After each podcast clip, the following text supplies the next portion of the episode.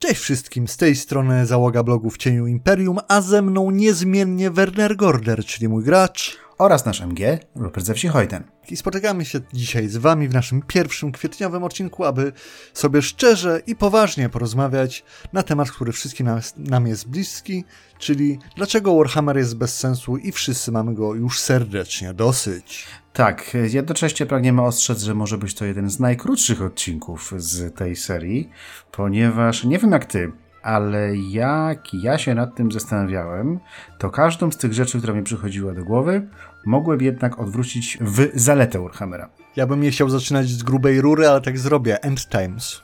E, nie, nie, to nie było, to nie istnieje, tego nie było. Nie, nie, nie, nie, nie to się nie liczy, to w ogóle, to, kto to widzi? Nie, nie, nie, no, nie, co? Co? Okay, podejście numer dwa, Storm of Chaos. Samo GW się trochę z tego wycofało rakiem, poza tym czwarta edycja i tak dzieje się przez tym. No dobrze, uczciwe. No to powiedzmy, że rzucę coś łatwiejszego. Imperium, tak? To wielkie, wspaniałe Imperium Sigmara, pełne ciemnych, mrocznych lasów, w których żyją różne niebezpieczne potwory i stworzenia, takie jak zwierzoludzie, nieumarli, gobliny, orkowie, bazyliszki, bog oktopusy i cholera wie co jeszcze. I tylko gdzie niegdzie mamy te małe, ziarenka cywilizacji schowane za murami czy ostrokołami, z których nasi śmiałkowie czasami są zmuszeni gdzieś wyjść, wykonać jakiegoś questa. Jednocześnie jest to imperium, które bez problemu potrafi się wyżywić i wystawić wielkie armie przeciwstawiające się kolejnym inwazjom, czy to chaosu, czy to zielonoskórych, czy to wampirów, czy to bretończyków, czy to w zasadzie czegokolwiek jeszcze innego. No i przepraszam bardzo, czy ja mam tutaj grać rolę tego adwokata diabła? Doskonale zdajesz sobie sprawę z tego, że to są akurat, no, kwestie tego, w jaki sposób coś przedstawisz. No, ale to zaczęło się od tego, że wszystko da się odwrócić na plus Warhammera, ale dam ci szansę stanąć po drugiej stronie i powiedzieć, co ciebie tak bardzo irytuje w Warhu i czego tak bardzo nie lubisz. Nie, no masz rację tutaj, jeśli chodzi o kwestie tych wszystkich podsumowań prowincji, które znamy, czy to z drugiej edycji, czy to w czwartej to też się pojawiło, no to nie są to, no nawet w pierwszej były już to ten rozkład ludnościowy imperium, a przynajmniej ten potencjał gospodarczy, który by wynikał z tego, co tam ujawniane jest w tych wszystkich rozpiskach, co znajduje się w danej prowincji, no nie może odpowiadać rzeczywistości, no bo tak mało wiosek nie jest w stanie utrzymać tak dużego miasta. Więc tak, to trzeba po prostu wyrzucić do kosza, ale tutaj no jednak faktycznie stanę jako ten adwokat diabła. To jest problem, którego wielu autorów i nie tylko fantasy, ale również science fiction zupełnie nie bierze pod uwagę efektu skali i tego, że jeżeli mamy jakąś planetę, dajmy na to, no to na jej powierzchni nie mieszka kilkaset tysięcy osób, tylko mieszka, potrafią mieszkać miliardy a jeżeli mamy międzygalaktyczne imperium, to akurat tylko jedyny chyba Warhammer 40 tysięcy ogarnia, że to międzygalaktyczne imperium ma miliardy, miliardów, miliardów istnień i nikt tak naprawdę tego nie liczy, bo tego jest tak dużo. Natomiast y, ten protoplastuś Warhammera 40 tysięcy, no tutaj troszeczkę o tym zapomniał, żeby to lepiej policzyć, no i można się do tego czepiać, ale no tak swoją drogą właśnie sobie pomyślałem, jak świetnie by wyglądały sesje, w których mistrz gry bierze te właśnie liczby populacji z gazetera jako taką prawdę objawioną i prowadzi sesję na zasadzie, że no okej, okay, w mieście tam jest trochę więcej, no ale tutaj jest małe miasteczko czy tam wioska, i w tej wiosce, według której danych z podręcznika, to nieważne czy druga, czy czwarta edycja, mieszka tam 100 osób. No. No to jak mieszka tam 100 osób, no to wiadomo, że każdy każdego zna, no bo siłą rzeczy.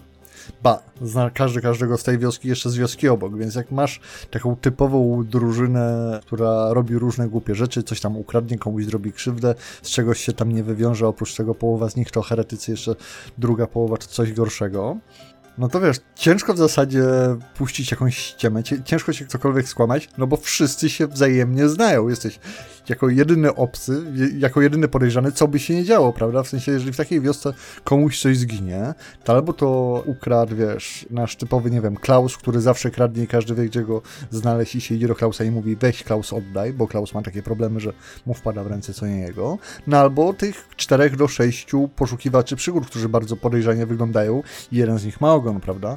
No tak, zgadnij na kogo padnie podejrzenie, prawda? No właśnie, teraz wyobraź sobie, jak ciężko graczom, wiesz, grać, gdzie od razu każdy ich widzi, każdy o nich wie i każdy ich o wszystko podejrzewa. No dokładnie. Ale wiesz, jeżeli tutaj poruszyłeś temat imperium, to ja dorzuciłbym od siebie konwencjonalność. To znaczy, zarówno imperium, jak i w ogóle cały Stary Świat i szerzej świat Warhammera jest, no jakby to ładnie ująć, pożyczony z wielu różnych innych źródeł. To nie jest tak, że autorzy kompilując to wszystko w ciągu lat, bardzo się napracowali nad tym, żeby były tam mega oryginalne rzeczy.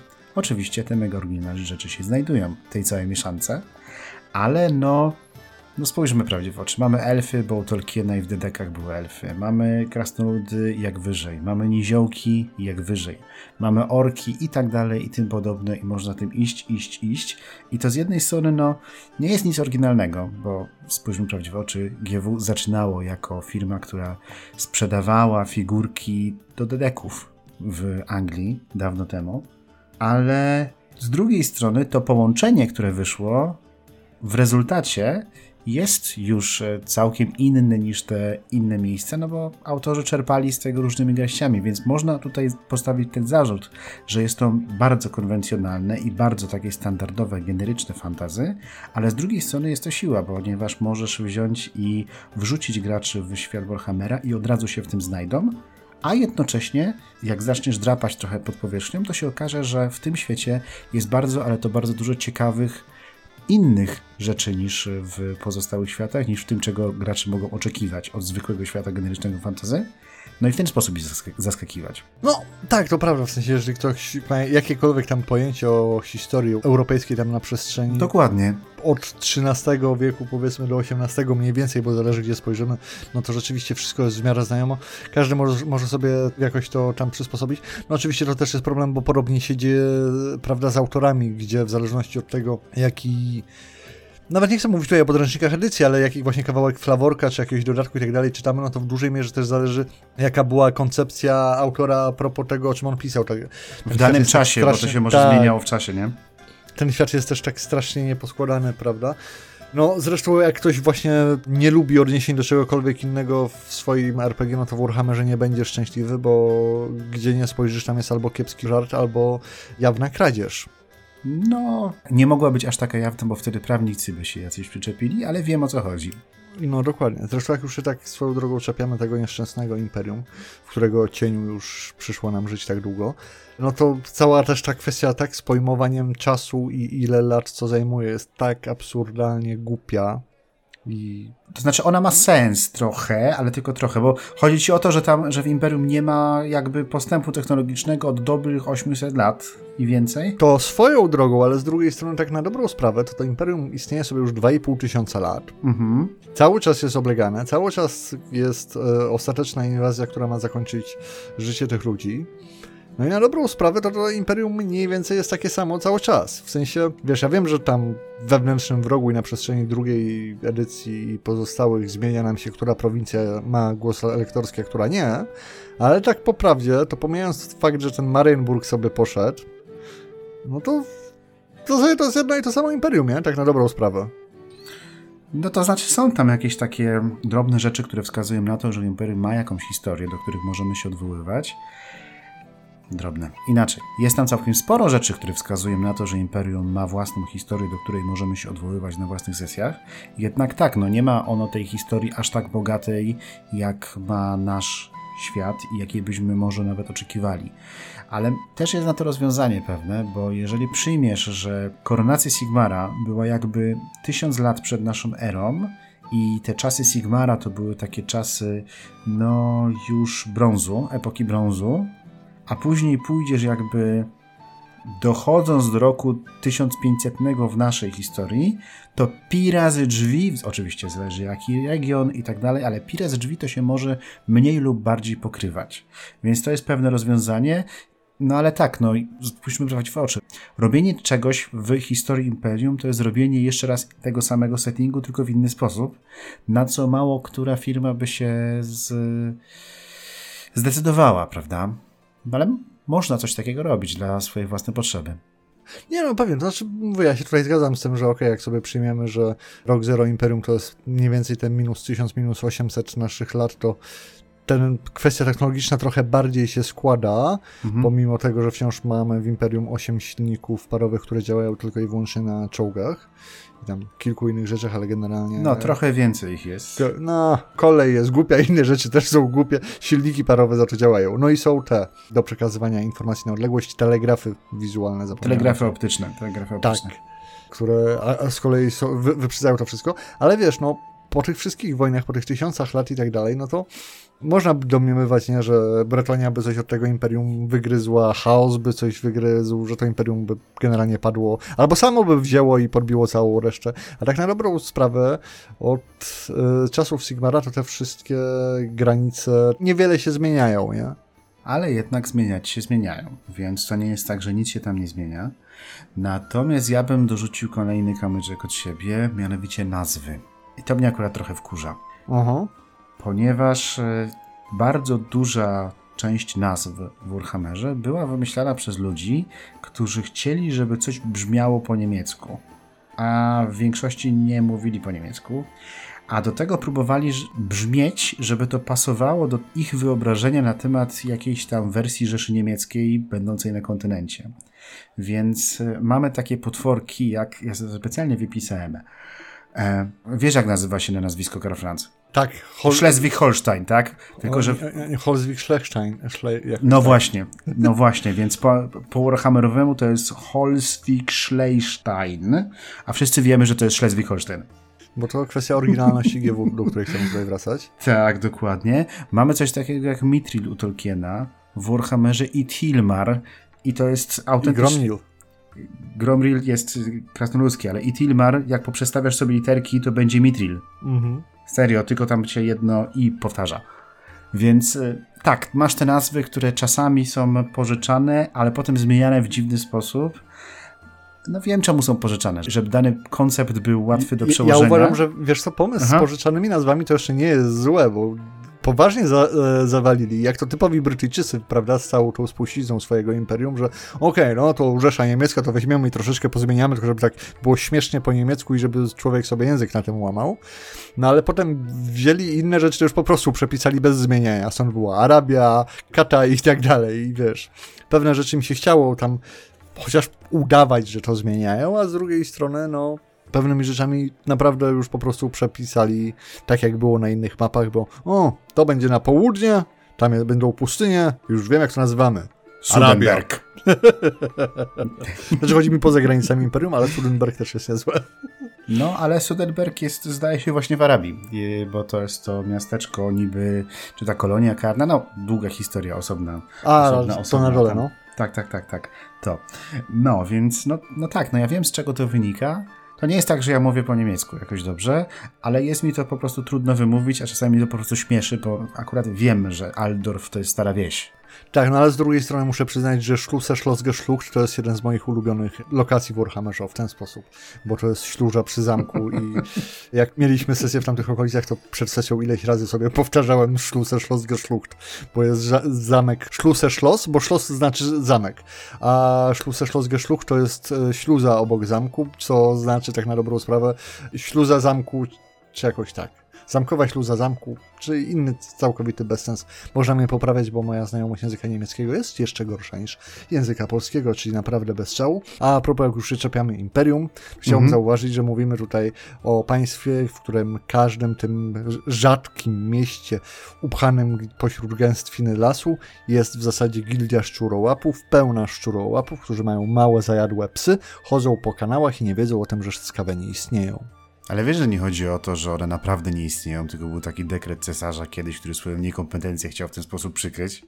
No, powiem ci, słuchałem takiego jednego podcastu w internecie i się tam dowiedziałem, że ponoć różnie można na to patrzeć, ale jak chcę się przypiździć do tego Warhammera dzisiaj, to będę tak robił. A dobra, czy, dobra. Niezależnie dobra. czy wiem, czy nie wiem. Okej, okay, dobra. To przepraszam bardzo, jeszcze nie, nie jestem w stanie przeskoczyć nad y, niziukami jeżdżącymi na bursukach. I łabędzia. Znaczy inaczej, przepraszam, byłbym w stanie przeskoczyć nad niziołkiem jadącym na borsuku prawdopodobnie, jakbym się dobrze wybił, ale nie jestem w stanie tego tolerować. O, to chciałem powiedzieć. Mnie dalej martwią łabędzie.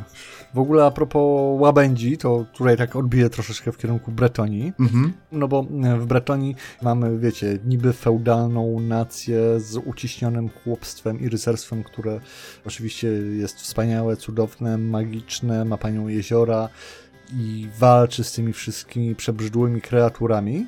Jednocześnie stawiając czynny opór armiom uzbrojonym w artylerię, i to całkiem nowoczesną, bo ta armia potrafi mieć rakiety, ale łabędzie, Pegazy. Chińczycy też mieli rakiety i nic im to nie pomogło. Słuszna uwaga. Rycerze na Pegazach, rycerze na gryfach. Generalnie wszelkie takie, wiesz, czteronożne latające zwierzęta używane za zastępstwo koni. To jest generalnie, to fajnie brzmi jak o tym mówisz, ale to jest głupie i to nie może działać w żaden sensowny sposób. Okej, okay, ale wiesz, że to jest fantazy. Wiem. To jest głupie fantazy. Ponury świat niebezpiecznych przygód, w którym pełno jest magii, niebezpieczeństw. No, tak, ja wiem, ale jak myślę o tym, że widzę latające konie, to myśl, wiesz, widziałem chodzące konie i wiem, co konie takie robią. Mianowicie srają. To po prostu się aż prosi o to, żeby właśnie odwołać się do pierwszej edycji i tego humoru, który tam jest. Zresztą, jeśli dobrze pamiętam, to w Parawonie ludzie bardzo uważają wychodząc na ulicę, bo bądź co bądź Pegazy, tak jak nietoperze, strasznie srają się zacząłem zastanawiać, czy tam mają takie znaki teraz, wiesz, uwaga, wiesz, i psrający Pegas, nie? Że jak gdzieś przychodzisz niektórymi ulicami w Parawonie, to trzeba się strzec. Troszeczkę jak ostrzeżenia przed jeleniami na polskich drogach, tylko że dużo ważniejsze. Znaczy wiesz co, w Szwecji są ostrzeżenia przed łosiami, więc myślę, że jakby parawon wyewoluował do takiego stanu, że miałby znaki drogowe, no to myślę, że mógłby takie znaki mieć. Natomiast y, jest to jednak świat Warhammera, w związku z czym bądź co bądź w średniowieczu ludzie generalnie wyrzucali zawartość swoich nocników na ulicę, więc jedyny tutaj problem jest taki, że takie końskie z wysokości kilku set metrów mogłoby bardziej uszkodzić kogoś niż takie ludzkie z wysokości drugiego piętra. No, dokładnie. Chociaż to też tłumaczy, dlaczego nie tylko łowcy czarownic lubują się w kapeluszach z szerokim rondem, prawda? To może być dużo bardziej praktyczne w tym jakże ponurym, żeby nie powiedzieć zasranym świecie. Jak swoją drogą, a propos głupich rzeczy, kto w ogóle i dlaczego, bo tak jak już wiesz, przeglądamy te wszystkie śmieszne rzeczy w Warhammerze, wpadł na pomysł, żeby na tej okładce napisać ponury, świat niebezpiecznej przygody. W sensie zastanawiam się, jakie było myślenie za tym wszystkim. Ja rozumiem, że w porównaniu do tego klasycznego fantazy to Warhammer, no rzeczywiście niby ma być taki, wiesz, straszniejszy. Też głównie na, na tej zasadzie, że nie do końca powinien się kończyć happy endem takim, wiesz, zostajesz półbogiem. Mhm. No ale troszeczkę to takie fałszywe reklamowanie produktu, prawda? Potem jak przeglądasz to przecież, zwłaszcza te pierwszoedycyjne przygody, gdzie właśnie są profesorowie Zweinsteini, no i wszystkie te, wiesz, uśmiechy, puszczenia oczków i inne obrazki, które no aż proszą się tego, żeby ryć ze śmiechu. No i wiesz... Nie mam pojęcia, kto dokładnie podjął tą decyzję, żeby na okładce pierwszej edycji Warhammera napisać ponury świat niebezpiecznych przygód. Tutaj wydaje mi się, że głównym mentorem był Paul Cockburn, to on może być odpowiedzialny za coś takiego. Natomiast on się chyba nie dogadał z pozostałymi ludźmi pracującymi nad Warhammerem, RPG-iem, którzy jednak wrzucili tam naprawdę, ale to bardzo, bardzo dużo żartów. Więc y, tak, nie wiem dlaczego, no ale tak już zostało. Dokładnie. Zresztą z rzeczy bez sensu to musiałeś jeszcze taką zrobić ukłon w stronę naszego kartografa i wspomnieć o mapach i skończyć tutaj, bo w zasadzie to nie znam się na tyle, żeby mówić, że mapy są bez sensu, ale ludzie, którzy się znają, tak mówią. Więc, więc tego będę się trzymał. Czy chcesz powiedzieć, że według tych map świat Warhammera jest płaski, choć doskonale wiemy, że płaski nie jest? I inne takie generalnie, wiecie, jak się rysuje mapy, to są te kreski poziome i pionowe na nich i one się czasami zbiegają, a czasami nie i to jest ponoć bardzo ważne i to nie działa w Warhammerze z wielu różnych powodów, które są tam związane z arytmetyką i innymi takimi jakimi rzeczami, nie? A ja chciałem przejść do innych rzeczy, takich mm -hmm. jak pomarańczowe irokezy i wielkie topory krasnoludów. No ale co masz do tego? Chcesz mi powiedzieć, że przecież to jest głupie? Tak. Że takiego krasnoluda widać z daleka, że tak. taki krasnolud zwiększa swój obrys jako cel, w związku z czym każda jednostka artylerii przeciwnika weźmie go na cel, żeby go ściągnąć z daleka? No, no na przykład, no. A co jeszcze, co jeszcze? Słucham. Nie, nie, brak zbroi, nie? Tak już z tym idziemy, nie? W sensie, pomyślmy o tym, jak zostajesz zabójcą troli, nie? Jakie są rzeczy, które robisz najpierw? Fryzurę, tatuaż. No, nie brzmi to tak, wiesz, w całym tym kontekście wielkiego smutku i tragedii życiowej, jaka spotkała tego krasnoluda, ponieważ stracił honor. No to nie wiem jak ten, ale gdybym ja stracił, wiesz, najważniejszą rzecz w swoim życiu, to moja chyba pierwsza myśl nie była, hmm, potrzebuję nowej fryzury, włosy bym podfarbował, żeby były takie bardziej zwracały uwagę. Ej, chyba przestanę chodzić w ciuchach, może jakąś dziarę bym se na półklaty. To znaczy, wiesz co, no myślę, że jakbyś y, urodził się 20 parę lat wcześniej i mieszkał w Anglii, to miałbyś możliwość na własne oczy zobaczyć, jak wyglądają te angielskie punki wtedy wyglądały. I no przecież to jest wprost nawiązanie do tego. Ja wiem, nie, że to no- nie musi mieć. Ja wiem, że to w świecie bezpośrednio nie musi mieć sensu, ale no to jest coś, co już przeszło do kanonu, no coś, co wszystkim nam przychodzi do głowy, kiedy myślimy o Urhammerze. No, Urhammer, zabójcy, to prawda, no, krasnoludcy zabójcy. Kwestia jest taka, że trzeba to pociągnąć dalej, no i wyobraź sobie, że prowadzisz sesję e, właśnie w jakimś tam krasnoludzkim karaku, no i biedny ten, wiesz, krasnoludzki balwiarz, do którego co chwila ktoś przychodzi wiesz, jakiś młodzian okryty złą sławą i mówi, no ja poproszę ten łyso po bokach i jakby pan mi tutaj, ten, żeby był taki długi, stojący i pomarańczowy. No wiesz, myślę, że w praktyce to wygląda trochę inaczej, że najpierw się okrywają niesławą, a później po jakimś czasie dochodzą do wniosku, żeby, wiesz, jak mają możliwość jak przeżyją pierwszą walkę na przykład, zostawiają sobie tego Irokeza. Może tak być. Ja bym zakładał, Wtedy, że akurat... To miałoby większy sens, nie? Krasnoludcy balwiarze mają większy ruch w internecie w poniedziałek, no bo to wiadomo, weekend to krasnale popiją, któryś zrobi coś głupiego, w niedzielę dochodzi do siebie, no i w poniedziałek, no okej, okay, no jednak trzeba iść zgolić łeb, nie? I bacha, tam kolejka, bo już jeszcze, wiesz, połowa imprezy kuźwa zrobiła coś głupiego, nie? Tak, w ten sposób też można patrzeć na krasnoludzkich zabójców. Ale tu wiesz, z fryzjerem to jeszcze pół biedy, bo to rachu siachu i do piachu, że tak powiem, a sobie wyobraź jak oni mają, wiesz, całe klaty i plecy tatuowane, to ile muszą spędzić czasu u takiego tatuażysty. Zresztą to w sumie też tłumaczy, dlaczego są dobrymi poszukiwaczami przygód, bo skądś trzeba wziąć złoto na to, żeby to wszystko opłacić, no bo to nie mogą być tanie rzeczy. No to raczej nie są tanie rzeczy, zwłaszcza, że wiesz, jak ktoś nad tobą siedzi przez 8 godzin ci dziara. No właśnie, to jeszcze wiesz, przy postępie technologicznym e, raz starego świata, no to proces rzeczywiście może trwać. Dzisiaj trwa, wtedy tym bardziej. Dokładnie. Coś jeszcze chciałbyś dorzucić do wspaniałego, bezsensownego tematu dzisiejszego odcinka? Nie, zasadniczo nie, wiesz. Ja generalnie uważam, że to, że ten Warhammer się miejscami nie spina, czasami jest nielogiczny, czasami jest bez sensu, no to jest jednak w tym wszystkim jego gigantyczna zaleta, bo pozwala nam dobierać sobie takie elementy, które nam w tym momencie pasują i dzięki temu właśnie nie musimy przez cały pieprzony czas iść po tych bezdrożach, czy tam po tych lasach imperium, brodzić w błocie, patrzeć jak tylko na nasze postaci pada deszcz i deszcz i deszcz. Nie musimy naprawdę robić jesiennej gawędy, bo ten repertuar odcieni, na których możemy na Warhammerze grać, jest tak szeroki, jak wydaje mi się chyba w żadnym innym systemie. Dokładnie. I większość z nich wciąż jest bez sensu. Zapewne sprawi, że przez kolejne 20 parę lat będziemy w niego grać. Czego no. gorąco sobie i wam wszystkim życzę w tym nie do końca poważnym odcinku kwietniowym. Dokładnie tak. Prawda też jest taka, że gdybyśmy go tak naprawdę nie robili, to byśmy tyle czasu na niego nie poświęcali. Chyba, że to jest taka, wiesz, kwestia e, masochizmu, nie? Rzeczy, które sprawiają ci ból i smutek, a cotygodniowe rozmowy o Warhammerze, którego nienawidzę. tak, w cieniu Imperium. Jeżeli chcecie e, doświadczyć kolejnej porcji naszego bólu, zapraszamy w przyszłym tygodniu. Dokładnie. Jeśli sami uważacie, że Warhammer jest głupi i bezsensowny, proszę rzućcie nam lajka, dajcie suba i skomentujcie poniżej. Gdybyście chcieli ponarzekać w czasie rzeczywistym, to zapraszamy do naszego Discorda. Link znajdziecie też w opisie filmu. Oczywiście, jeżeli chcecie wspierać finansowo ludzi, którzy nie lubią Warhammera, zapraszamy na nasz e, Patronite, gdzie możecie nam przekazywać wsparcie finansowe, abyśmy dalej mogli mówić, jak bardzo tego systemu nie lubimy. A my połączymy się z Wami w bólu już w przyszłym tygodniu. Dokładnie. Tymczasem czekamy gorąco na Wasze komentarze, pełne wypominania wszystkich głupich, durnych i bezsensownych rzeczy, które pojawiły się na kartach Warhammera, czy to podręczników, czy to książek, czy w zasadzie czegokolwiek innego, bo przy całej naszej miłości do tego wspaniałego systemu.